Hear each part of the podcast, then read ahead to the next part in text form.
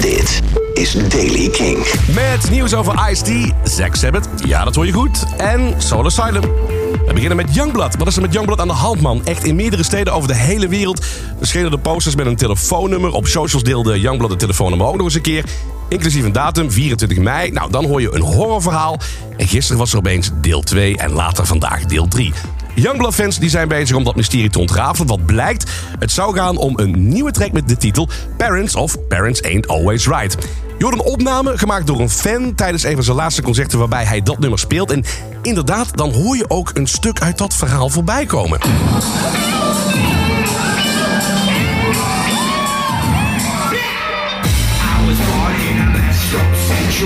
My favorite are raspberry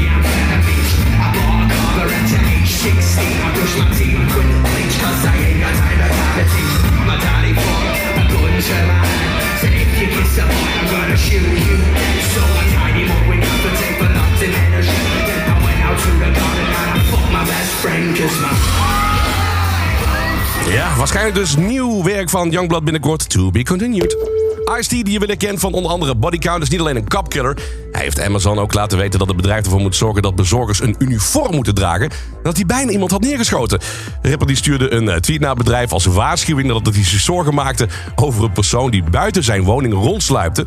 Hij schreef: Now that you have regular people making your home deliveries, maybe they should wear a vest with Amazon delivery on it. I almost shot a motherfucker creeping up to my crib last night. Just saying. Amazon die reageerde weer heel eh, spontaan en heel aardig. Ze zeiden: We motherfucking love you. En het zal nooit meer voorkomen, Ice-T.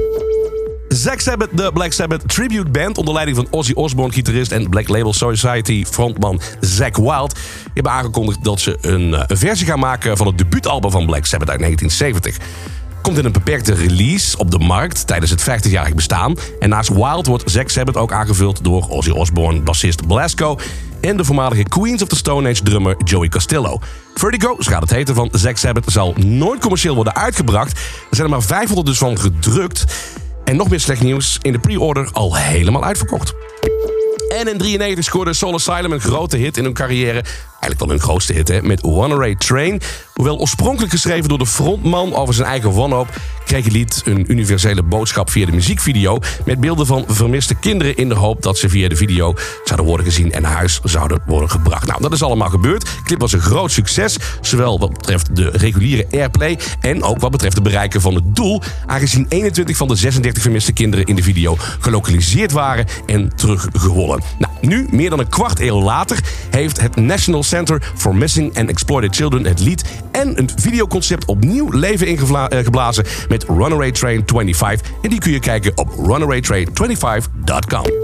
En dat was hem weer. Wil je niks missen? Elke dag ben je helemaal bij. Abonneer je via je favoriete podcast-app of check het eventjes via kink.nl. Elke dag het laatste muzieknieuws en de belangrijkste releases in de Daily King. Check hem op kink.nl of vraag om Daily King aan je smart speaker.